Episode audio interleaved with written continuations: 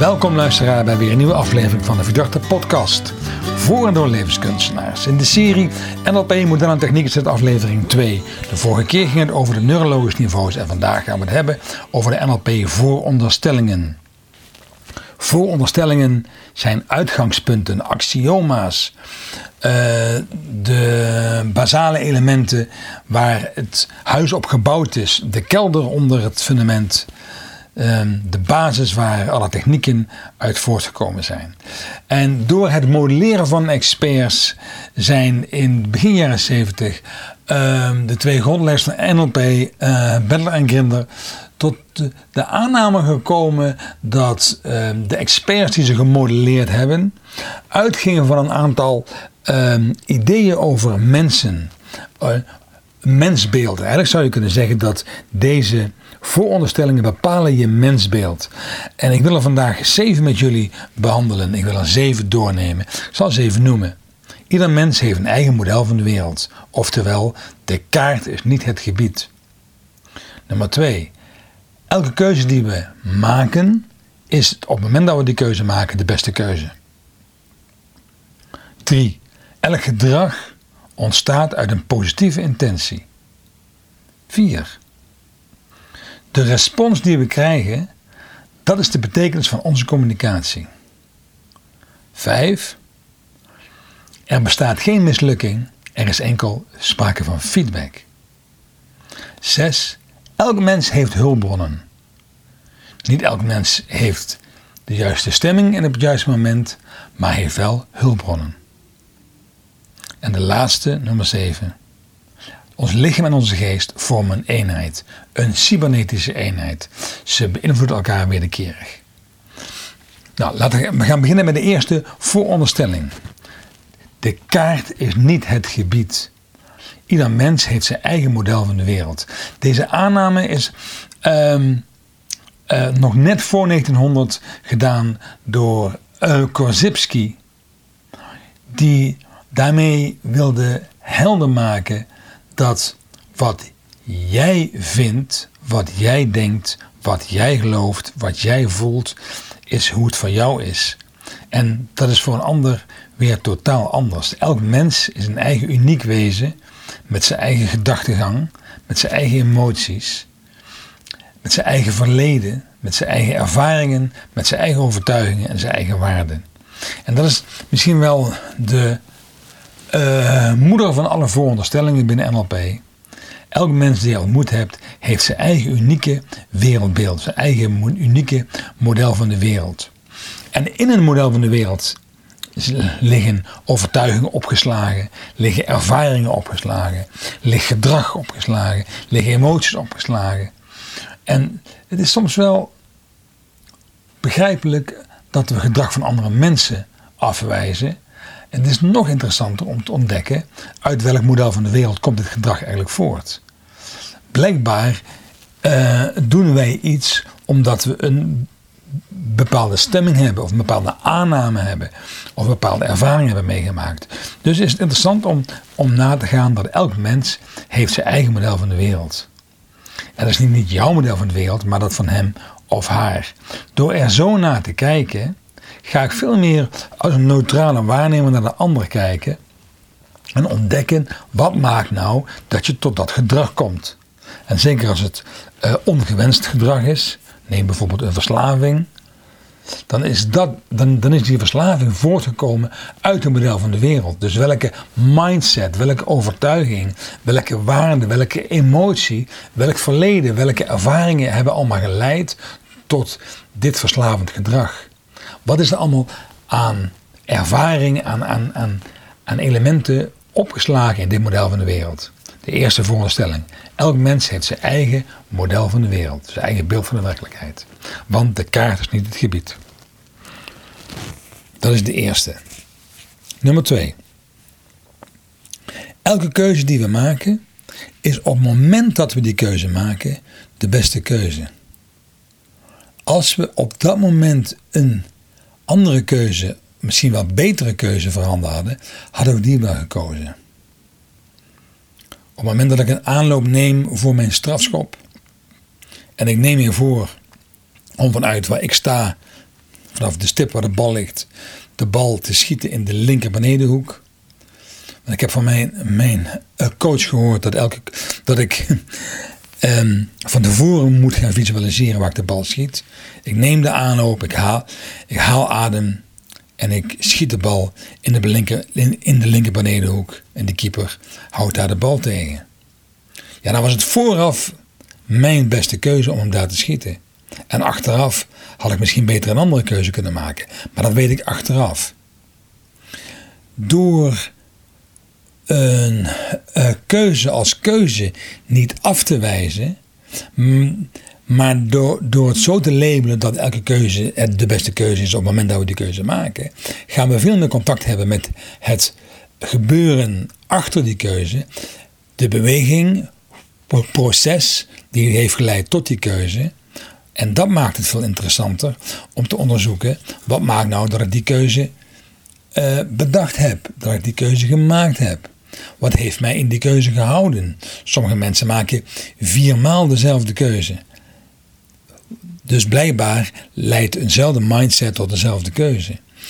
En hoe is het voor jou om eens na te gaan dat er iemand iets deed waar je last van hebt, waar je last van had?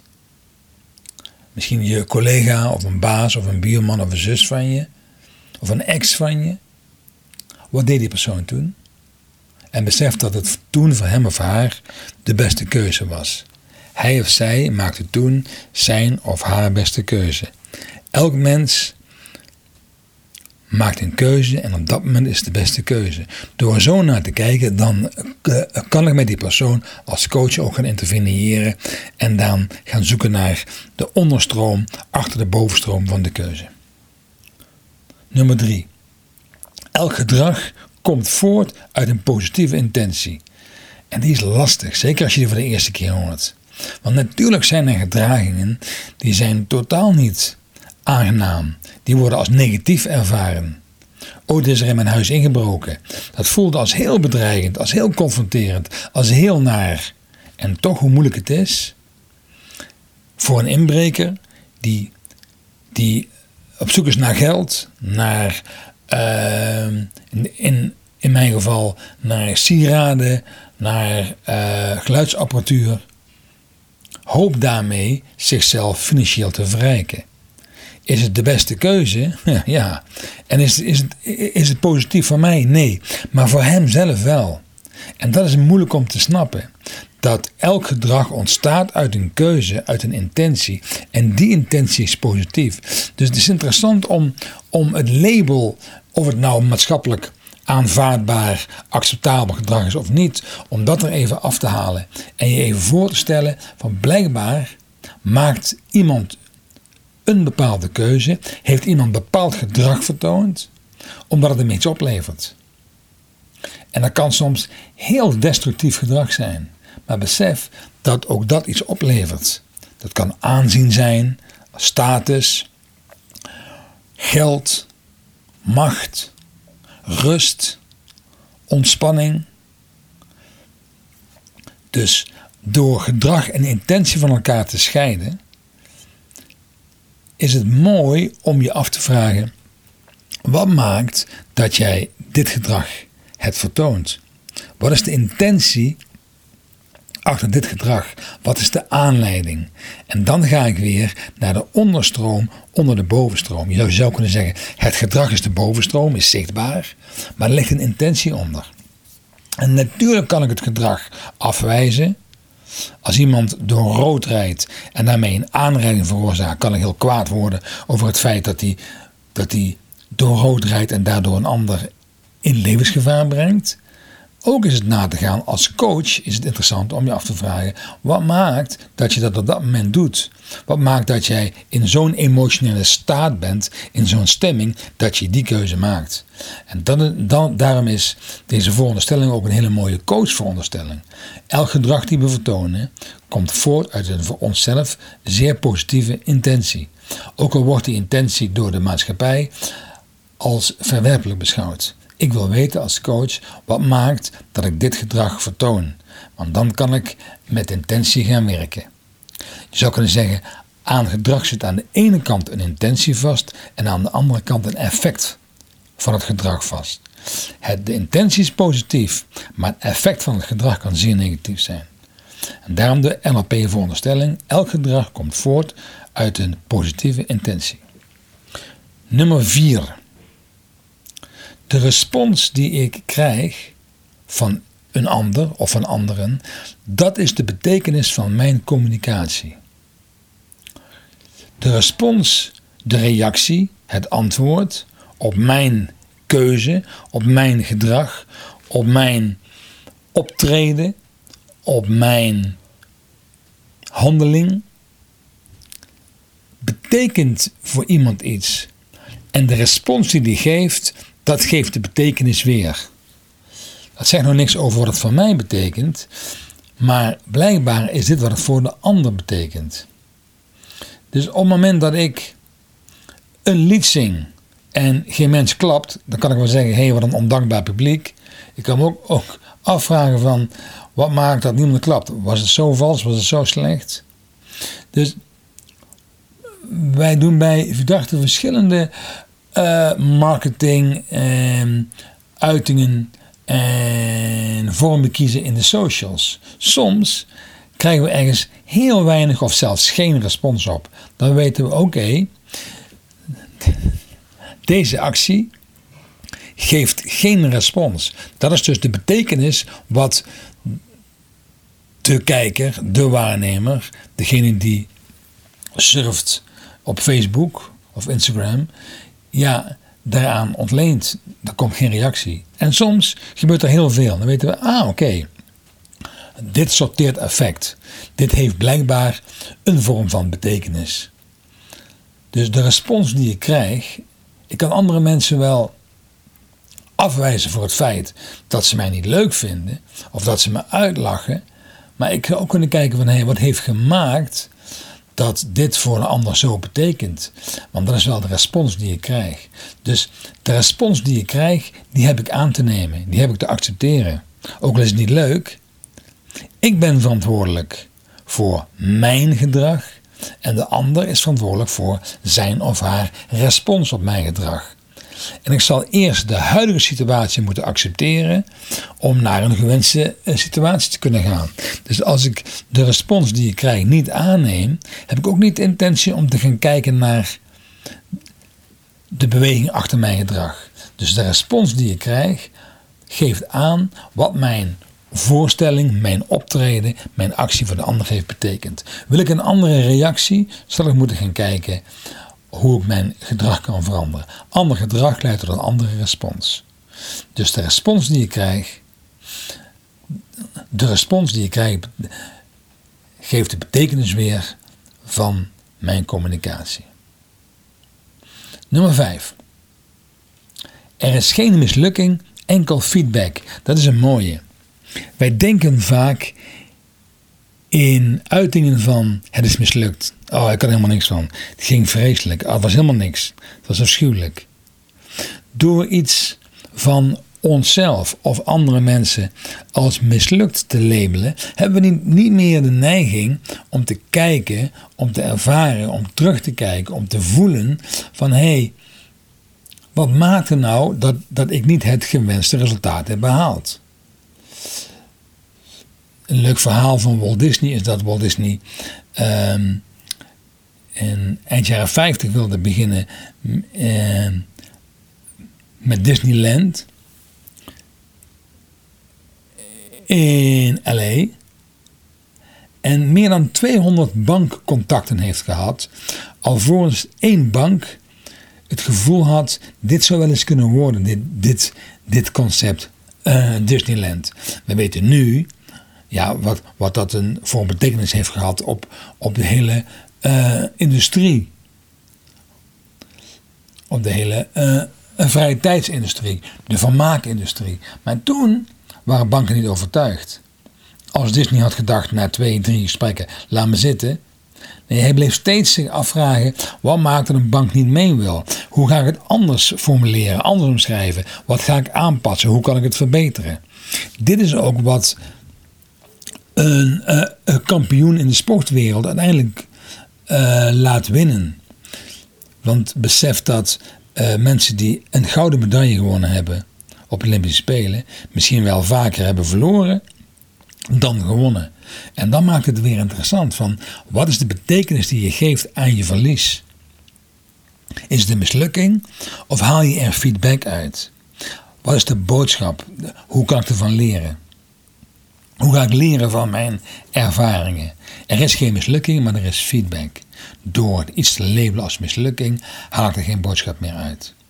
De feedback. Nummer 6. Ja, is heel simpel, maar mooi en makkelijk en interessant. Elk mens heeft hulpbronnen. Er zijn geen mensen zonder hulpbronnen, er zijn wel stemmingen zonder hulpbronnen. Ik kan zitten in een bepaalde stemming dat ik geen contact heb met mijn hulpbronnen, dat ik geen contact heb met mijn kwaliteiten, met mijn talenten. Maar ik heb ze wel. Ik weet nog dat ik ooit een, eh, een, een bandje zag spelen. Een aantal van mijn vrienden uit de jaren 70 die gingen optreden in het buurthuis. Dat zag er hartstikke leuk uit. En, er waren heel veel vrienden en mensen uit de wijk en bekenden en ouders. En ze stonden te stralen als spelend op de bühne. Het was fantastisch. Een aantal maanden later zijn ze gevraagd voor een groot openluchtfestival om daar te openen. Ze waren zo nerveus dat ze totaal niet het niveau haalden van wat ze toen daarvoor haalden in het buurthuis. Je zou kunnen zeggen, het was een afgang voor de jongens. Maar dan is het interessant om dus zowel vanuit de vorige voorstelling te, kijken van wat leren we hiervan? Wat is de feedback? Maar ook om te beseffen, hé, we hebben hulpbronnen. Dat hebben we laten zien in het eerste optreden. Alleen hier in dit grootschalige event hebben we meer contact met onze hindernissen gehad dan met de hulpbronnen gehad. Dus hoe gaan we hulpbronnen inzetten om ons doel te bereiken? Ieder mens heeft hulpbronnen, maar niet elke stemming is gevoed met diezelfde hulpbronnen. Dus als je nou eens iemand voor ogen neemt, een bekende van, je, die misschien op bepaalde momenten zich niet goed voelt, of uh, iets heeft gedaan wat niet zo handig was of goed uit de verf kwam. Besef dat die persoon hulpbronnen heeft, maar misschien op dat moment niet uit de verf kwam. Dus elk mens heeft hulpbronnen. En de kunst is om op het juiste moment, als je ze nodig hebt, je hulpbronnen te kunnen aanboren. Misschien is degene die de gouden medaille wint, wel degene die het beste is, om op dat moment zijn hulpbronnen te kunnen inzetten en aanboren. Dat brengt mij bij de laatste vooronderstelling. Ons lichaam en onze geest vormen een eenheid. Ons lichaam en onze geest vormen een cybernetische eenheid. En dat betekent zijn wederkerig. Lichaam beïnvloedt geest en geest beïnvloedt lichaam. Je zou dus kunnen zeggen dat een andere stemming van binnen geeft aan de buitenkant ook een ander, andere lichaamshouding. Of een andere andere fysieke beweging leidt tot een andere stemming. Dit is, dit is ook te verklaren voor mensen die, die zich depressief voelen. Ga wandelen, ga hardlopen, ga zwemmen, ga bewegen, ga in de tuin werken, ga fysiek werk verrichten en je komt in een andere stemming. Dus doe iets met je lichaam, doe iets fysieks en het, het levert een andere emotie, een andere stemming op. Dus enerzijds kan ons lichaam zorgen voor een andere stemming. Maar gaan we ook zien dat een andere stemming ook weer zich eh, uit in ons lichaam. En dat geeft aan dat ons lijf, onze gedachten, onze emoties, onze fysieke gesteldheid is één systeem. Wij zijn één, één holistisch systeem, wij mensen. Waarbij lichaam en geest elkaar voortdurend beïnvloeden, wederzijds. Dus een andere stemming leidt ook tot een andere beweging. Dus wanneer ik iemand, iemand ineens van een lage ademhaling, hartslag naar een hoge hartslag zie gaan, of iemand zie ik in één keer van langzaam spreken en heel snel spreken gaan, dan weet ik van hé, hey, hier, is iets, hier is iets gebeurd, er komt iemand in een andere stemming. Iemand spreekt rustig, spreekt zacht en gaat in één keer veel harder praten en veel drukker zijn. Dan weet ik, oké, die komt in een andere stemming. Want lichaam en geest vormen een eenheid, een cybernetische eenheid. En daarmee heb ik alle NLP-vooronderstellingen benoemd. En wat kun je er nou mee? Wat kunnen we nou met deze vooronderstelling? Het mooie is dat het bepaalt, vind ik, het bepaalt de manier hoe ik naar mensen kijk. Er zijn er nog, nog veel meer. Uh, in onze opleiding hebben we er twintig weer gegeven. Maar ik vind deze, deze zeven wel uh, hele mooie basale uh, vooronderstellingen die ook in leiderschap aanwezig zijn. Al jouw medewerkers hebben een eigen model van de wereld, maken hun keuzes, hun allerbeste keuzes, elke dag weer. Gaan op, op hun manier hun intentie omzetten in gedrag. En halen wel of niet via de respons die ze krijgen de betekenis uit hun communicatie. Zijn misschien bezig met mislukken of met feedback. En hoe kan ik als leidinggevende hun hulpbronnen eruit uh, uh, coachen? Hoe kan ik waarnemen in welke stemming ze komen? Of wat zie ik aan hun lijf, hoe het met hen is? Want het lichaam geeft aan hoe het van binnen is. Nou, en wat je zou kunnen doen is het verzacht ook uh, de weerstand die je naar andere mensen hebt. Want ik wil even afsluiten met een soort kleine oefening. denk maar eens aan iemand die je heel goed kent. Iemand waarmee je uh, soms wel eens een aanvaring hebt of gedoe hebt. Wat spanning voelt, wat strijd misschien wel, weerstand.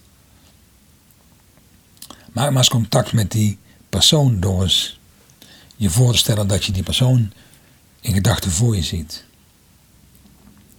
Hoe is het om te beseffen dat jij door jouw ogen naar die persoon kijkt? maar die persoon ook naar jou. Jij hebt jouw model van de wereld en hij of zij heeft zijn of haar model van de wereld. Jij maakt, zo, zo hoe jij met die persoon omgaat, jouw beste keuze.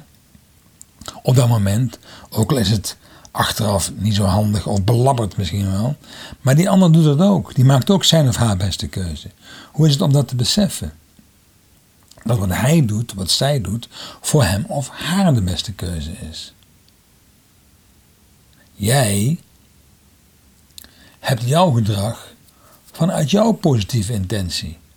Maar besef eens dat die ander voor zichzelf ook vol zit met positieve intenties. Het effect van het gedrag van die ander is misschien voor jou wel niet fijn of heel vervelend, andersom misschien ook wel. Maar hoe is het dan te beseffen dat je allebei uiting geeft aan je eigen positieve intentie. Besef dat wat jij doet voor de ander iets betekent. En dat geeft hij weer in zijn of haar respons. Zijn boosheid is misschien wel een respons op jouw gedrag. En jouw irritatie is een respons op zijn of haar gedrag. Dus besef dan dat wat je doet wellicht een respons op de ander is.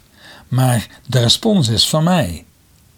Het gedrag van de ander is van de ander. Dus ik ben verantwoordelijk voor mijn gedrag en de ander is verantwoordelijk voor zijn gedrag. Dus de respons die ik geef aan een ander is van mij. De respons die ik van een ander krijg is van die ander.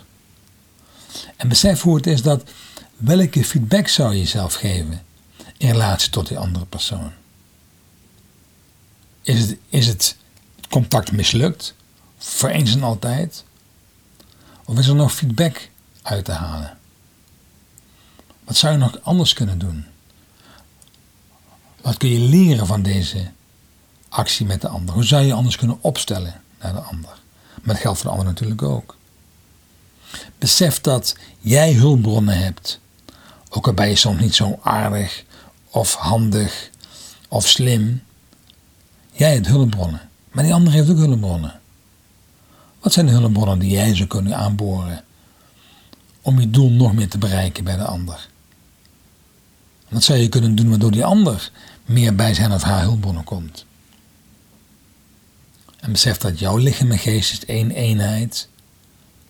Wat jij doet kan de ander raken in zijn gevoel. en omgekeerd ook. Als je zo eens deze twee veronderstellingen bekijkt,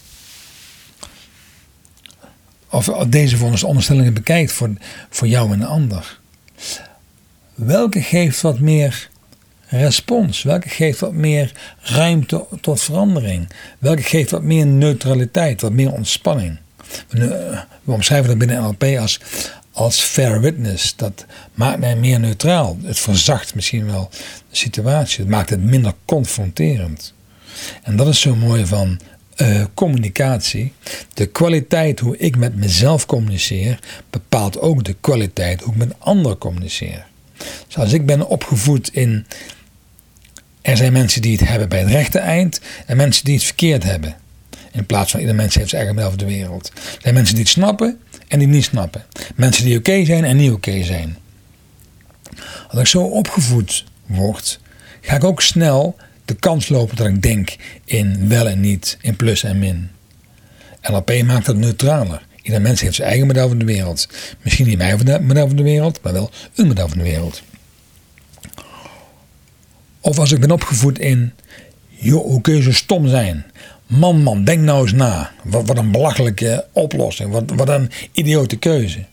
Nee, besef dat elke keuze is de beste keuze. Alleen niet jouw keuze op dat moment, maar de ander maakt zijn keuze op dat moment. Besef dat toen was het voor hem of de beste keuze. Hoe is het om gedrag en intentie te scheiden? Dat, ja, iedereen die ooit failliet ging, of iedereen die ooit een relatie begon wat achteraf niet zo handig bleek te zijn. Of iedereen die ooit iets heeft gekocht wat je achteraf beter niet, had willen kopen. Die heeft misschien niet op dat moment het juiste gekocht, maar de intentie was op dat moment wel om het juiste te willen kopen. Dus hey, vanuit welke intentie heb ik dat gekocht? En hoe ga ik ervoor zorgen dat ik daarvan leer? Dat is feedback. Dus die, die veronderstellingen gaan op elkaar inwerken. Hoe ga ik zorgen voor een andere respons? Wat kan ik doen aan mijn gedrag, waardoor ik een andere respons krijg? Welke andere hulpbronnen ga ik inzetten om de gewenste respons te krijgen? Wat zegt mijn lichaam? Als ik nou eens naar binnen ga, wat zegt mijn gevoel? Wat zegt mijn intuïtie?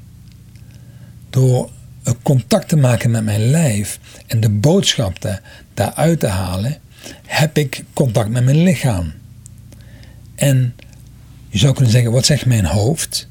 Maar wat zegt mijn hart? Of wat zegt mijn buik? Wat zegt mijn lijf?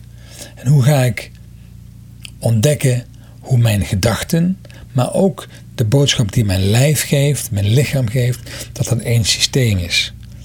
Dus deze zeven vooronderstellingen, als ik die bij elkaar pak en samen aan elkaar verbind, bepaalt mijn visie over mens zijn, bepaalt mijn mijn keuze hoe ik in de wereld sta, naar mezelf en naar anderen. En weet je, NLP is geen wetenschap. NLP gaat uit van aannames. Deze vooronderstellingen zouden wel eens waar kunnen zijn. We weten niet zeker of het zo is, maar door dit aan te nemen dat het wel zo is, verzacht het ons en gaat het ons brengen bij onze kwaliteiten, onze hulpbronnen, onze talenten en geven we de meeste ruimte aan de hulpbron, aan de stemming eh, van de ander. En daardoor krijgen we optimalere relaties. Ga ik als leidinggevende mensen veel meer snappen? Ga ik in mijn relatie veel meer vrede dan, dan oorlog brengen? Ga ik in mijn uitingen naar andere mensen veel meer openheid dan geslotenheid brengen? Ga ik veel meer insluiten dan uitsluiten? Dus je zou kunnen zeggen, er is een bovenstroom en een onderstroom in het, in het, het leven van mensen. Wat je hoort en wat je ziet, wat mensen zeggen en mensen doen, dat is de bovenstroom. Maar door deze vooronderstellingen aan te nemen, ga ik mezelf in staat stellen om contact te maken met de onderstroom. En dan kom ik in contact met de essentie van iemands model van de wereld. Dan kom ik in, in contact met de bron waar een keuze uit ontstaan is. Dan kom ik in contact met de intentie van gedrag. Dan kom ik in contact met de hulpbronnen en dan ga ik er ook de feedback uitnemen. En dan ga ik snappen hoe mijn lichaam en geest bij elkaar horen en wat ze uitzenden. En dat vind ik zo mooi aan deze NLP vooronderstellingen. De aannames waar het gedachtegoed van rapport, ankeren, herkaderen, optimale eh, communicatie, zintuigelijke processen op gebaseerd zijn. Het is onze eigen, onze eigen neurosysteem die ontstaan uit de wijze hoe wij tegen de wereld aankijken. Dit zijn de NLP vooronderstellingen. Het zijn er zeven die ik heb behandeld in de reeks van NLP Moderne Techniek. Zou zeggen tot de volgende keer bij de Vidarte podcast voor de levenskunstenaars. We. Hey, fellow traveler.